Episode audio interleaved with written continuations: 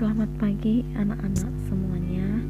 Pada pagi ini sebelum kita belajar, kita akan kembali mendengarkan dan merenungkan kebenaran firman Tuhan dan harapan saya kamu sudah berdoa terlebih dahulu dan juga telah membaca Efesus 4 ayat 25 sampai Efesus 5 ayat 1. Nah, uh, topik devosi yang akan kita bahas di hari ini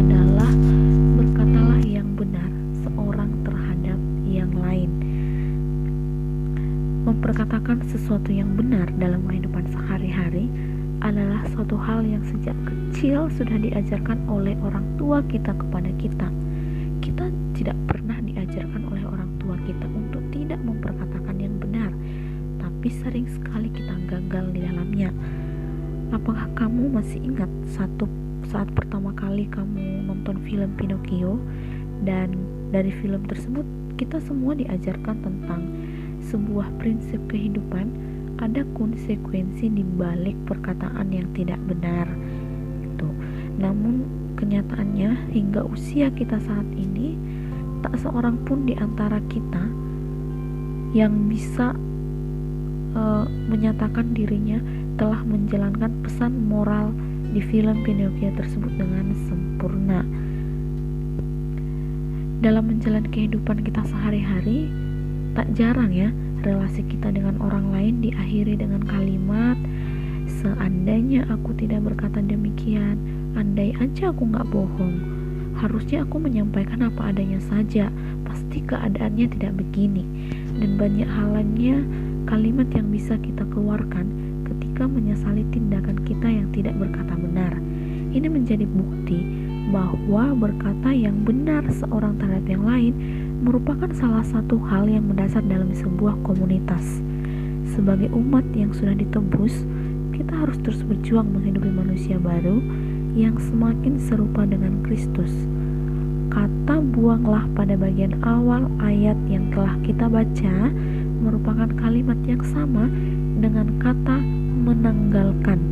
Ya, jika dilihat dalam bahasa aslinya bahasa Yunani dan Lembaga Alkitab Indonesia mengartikan kalimat buanglah itu dengan membuang dusta.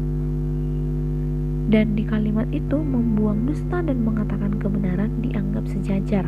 Kalau di bahasa Indonesia, kamu akan lihat kalimat tersebut adalah kalimat majemuk setara, ya. Maka membuang dusta dan membu mengatakan kebenaran ini adalah hal yang dianggap sejajar. Membuang dusta merupakan salah satu cara untuk mencapai hal mengatakan kebenaran. Kita tahu bahwa mengatakan kebenaran mencakup banyak aspek ya, tetapi yang ditekankan oleh Paulus dalam pembacaan ini adalah membuang dusta, dusta atau kepura-puraan.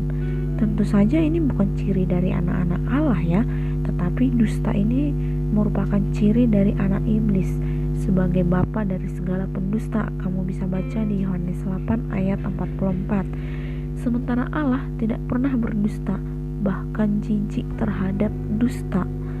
Selain untuk menjaga keutuhan komunitas dan menjalankan perintah hidup manusia baru, Paulus memberikan alasan yang kuat terkait mengapa kita harus berkata benar seorang terhadap yang lain.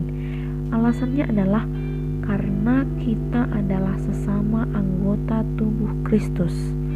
Sebagai satu anggota tubuh, Ketika kita tidak berkata yang benar seorang terhadap yang lain, maka saat itu juga kita sedang menipu diri sendiri dan menyangkali status keanggotaan kita sebagai tubuh Kristus.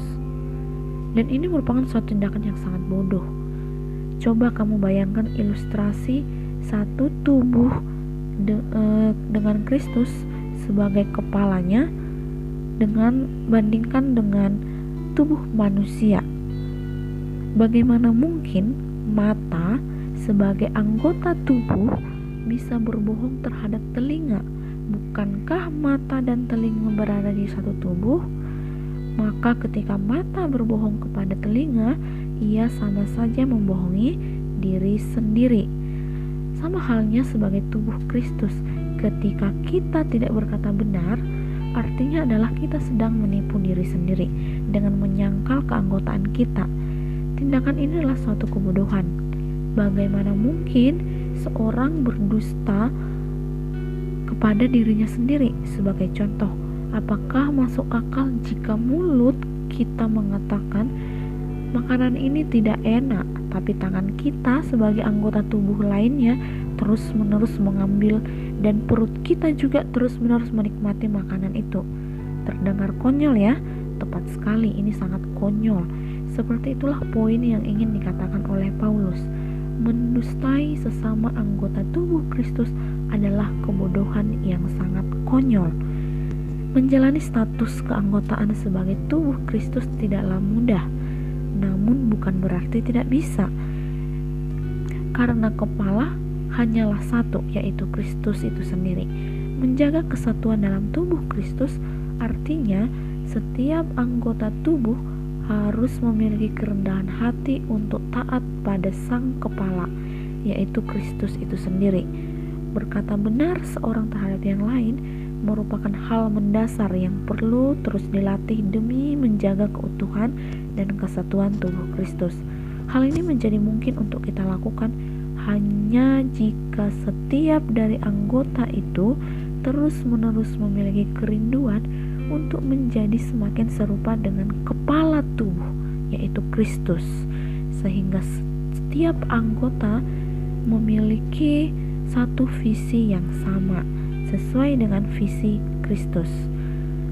Ia yang adalah kepala jemaat harus juga menjadi standar tertinggi bagi kita sebagai anggota dalam menjalani kehidupan sehari-hari, yaitu dengan cara melakukan apa yang kepala lakukan dan juga membenci apa yang kepala benci. Dalam konteks ini kepala yang saya maksud adalah Kristus ya.